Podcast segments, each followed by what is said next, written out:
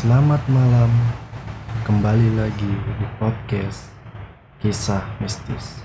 Kali ini gue akan membacakan tentang tweet dari salah satu Twitter at mwv underscore mistik.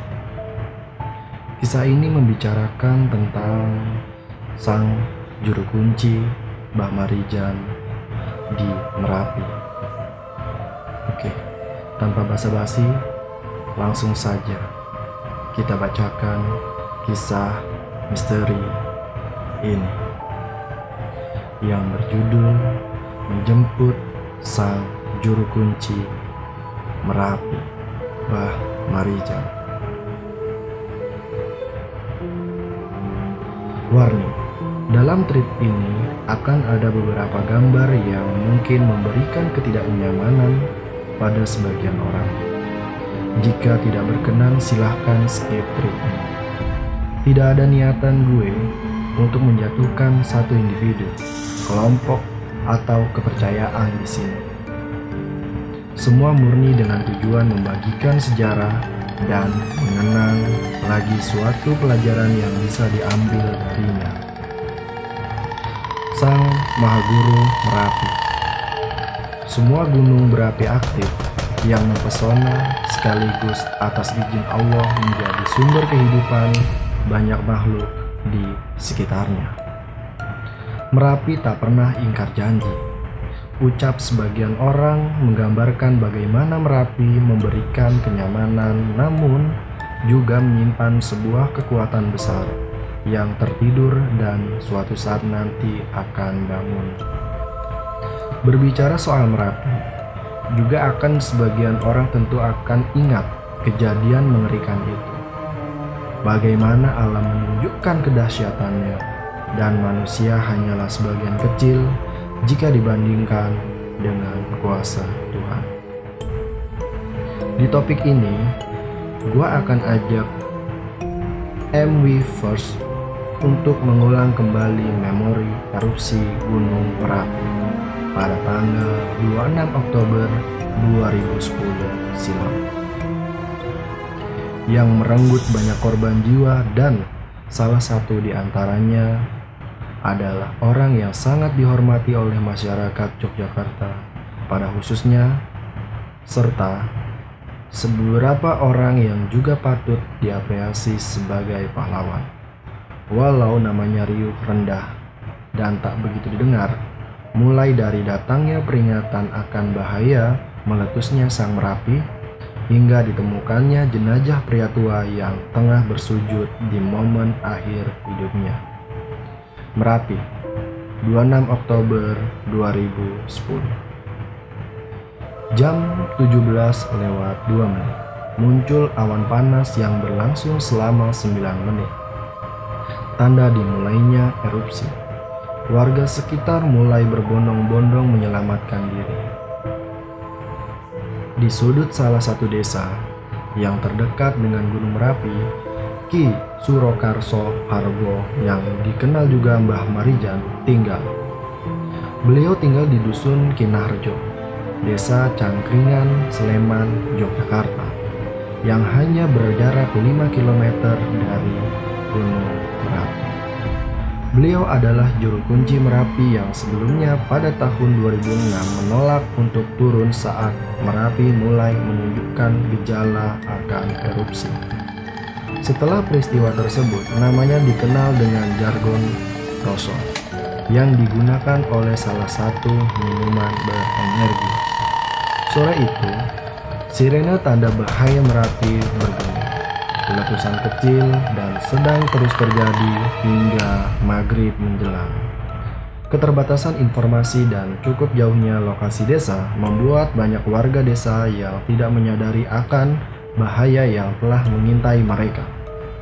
Selain itu, mereka percaya sebelum sang juru kunci Merapi memerintahkan turun, maka Merapi masih dalam kondisi aman sama seperti keyakinan yang dipegang sang juru kunci sebelumnya yang terbukti benar.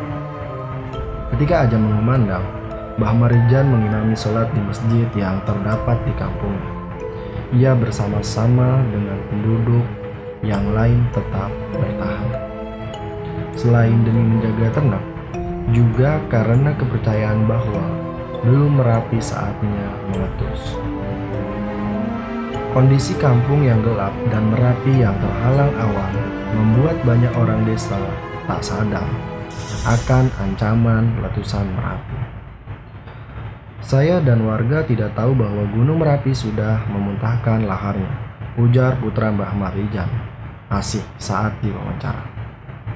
Sementara, di bawah posko-posko pengungsian sudah didirikan menyusul peringatan kenaikan aktivitas Merapi Fokus pengungsian ada di Barak Umbul Harjo. Beberapa warga sudah dievakuasi ke sana. Sampai akhirnya, para relawan sadar belum mengevakuasi warga di desa Ina Rejo.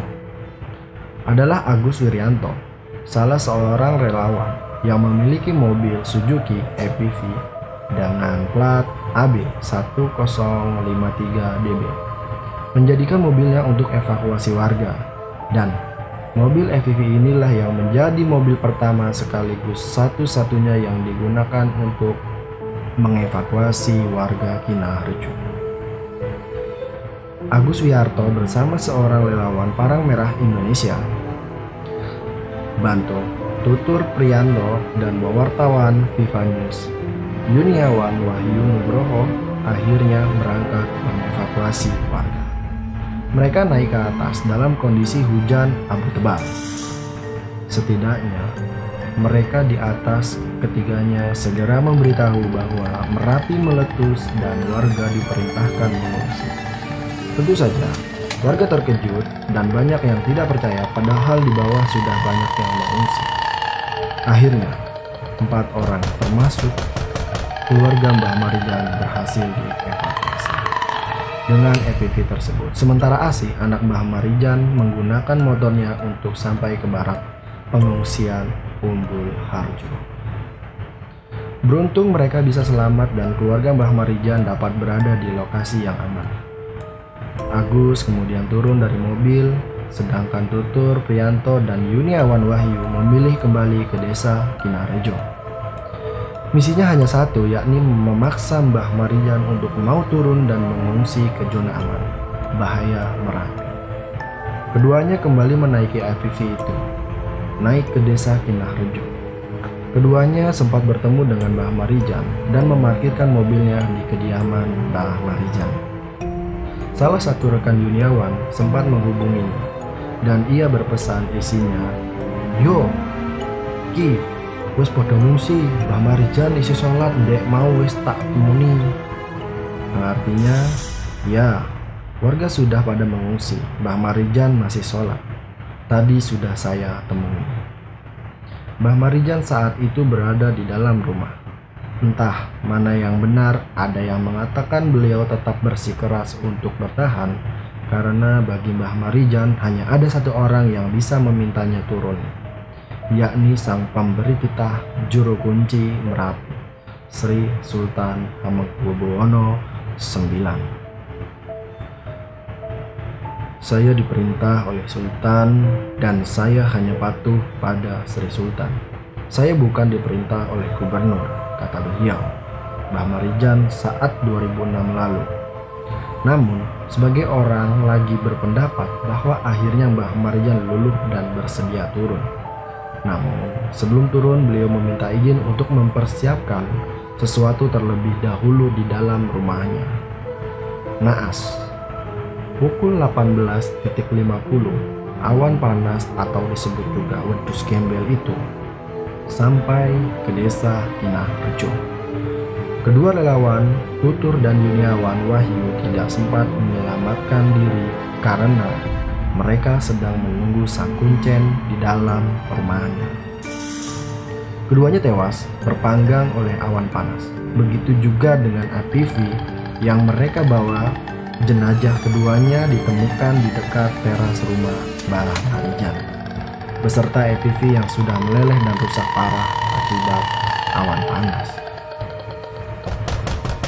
Hal yang sama menimpa Mbak Marijan dalam posisi bersujud ke arah selatan